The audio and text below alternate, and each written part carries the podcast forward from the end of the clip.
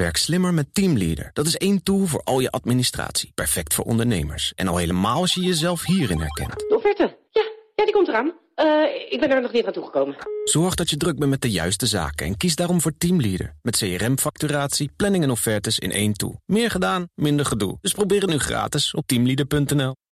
De gast op dit moment is Marcel Beerthuizen. We spreken iedere woensdag met hem over ontwikkeling op het terrein van sport en economie. En met hem, omdat hij van sponsoring adviesbureau Big Plans is. Welkom. Dankjewel, Thomas. Vandaag een opvallende ontwikkeling, namelijk sporters die als ondernemers zelf in die sport ontwikkelen. En een van de meest sprekende voorbeelden is die bekende verdediger van Barcelona, Piqué. Piqué, gisteren in het nieuws, die heeft nu uh, ook uh, een voetbalclub gekocht, FC Andorra.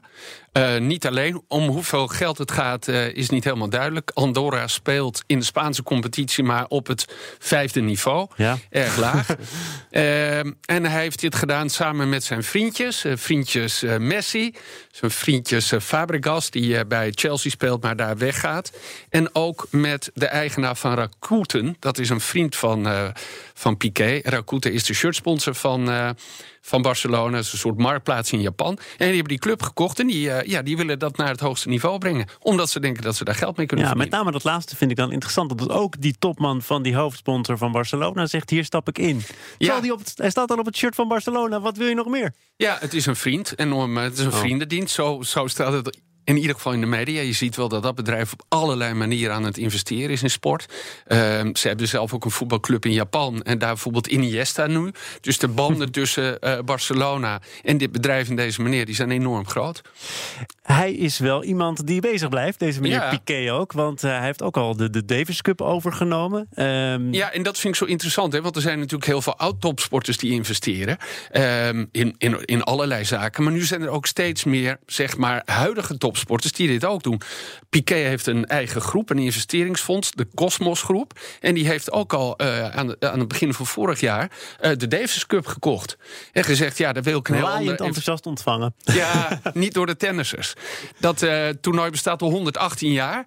en dat is natuurlijk een landencompetitie. Hij zegt, we gaan het helemaal anders doen. We willen het omgooien. Aan het einde van het jaar gaan we tussen 18 landen... in een week tijd bepalen wie het beste land is. Het gaat niet over spelers, maar over landen.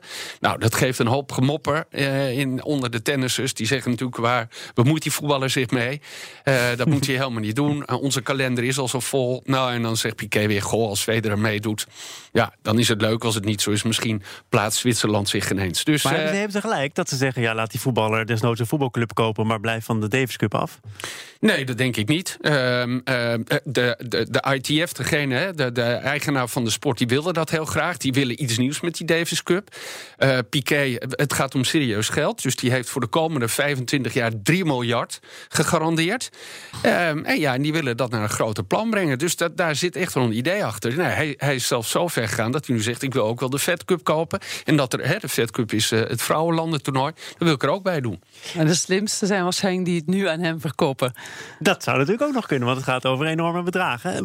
Je zou ook nog kunnen zeggen, nou goed, uh, laat hem ondernemen... maar laat hem ook vooral zich richten op zijn eigen voetbalcarrière.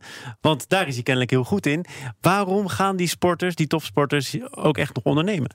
Ja, je ziet het. Hè? Dus Piqué uh, doet dat. Uh, maar bijvoorbeeld LeBron James, basketballer, doet precies hetzelfde. Derek Jeter, een honkballer, is ook enorm aan het investeren. Seedorf heeft het overigens al heel vroeg. Uh, Seedorf heeft het gedaan. 2009 volgens mij een Italiaanse voetbalclub ja, gekocht. Kevin Bryant. Ja, Bryant, hè, basketballer, doet alleen maar investeringen. Die zegt eigenlijk: ik investeer liever dan endorsement deals, want dan moet ik allemaal reclame maken in fotoshoots. Ik investeer liever in een, in een groep van bedrijven. Dus zij hebben heel veel geld. Ze hebben heel veel mogelijkheden. En wat ook heel belangrijk is, ze hebben toegang toegang tot de rijkste mensen. Warren Buffett is een vriend van LeBron James. Uh, uh, Kevin Durant die heeft toegang tot de mensen. Die speelt in San Francisco bij de Warriors. Die heeft toegang tot de mensen van PayPal, van Google. Uh, iedereen, alle investeerders die daar zitten.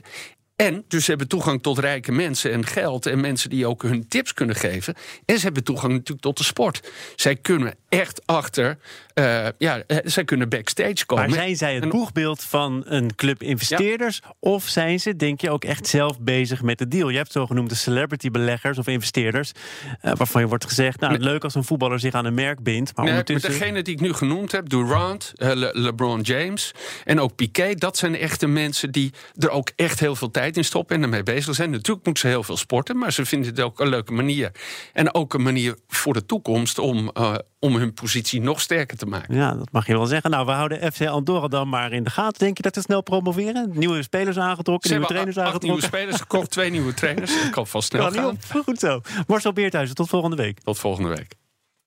Werk slimmer met Teamleader. Dat is één tool voor al je administratie. Perfect voor ondernemers. En al helemaal als je jezelf hierin herkent. De offerte. Ja, die komt eraan. Eh, ik ben er nog niet aan toegekomen. Zorg dat je druk bent met de juiste zaken en kies daarom voor Teamleader. Met CRM-facturatie, planning en offertes in één tool. Meer gedaan, minder gedoe. Dus probeer het nu gratis op teamleader.nl.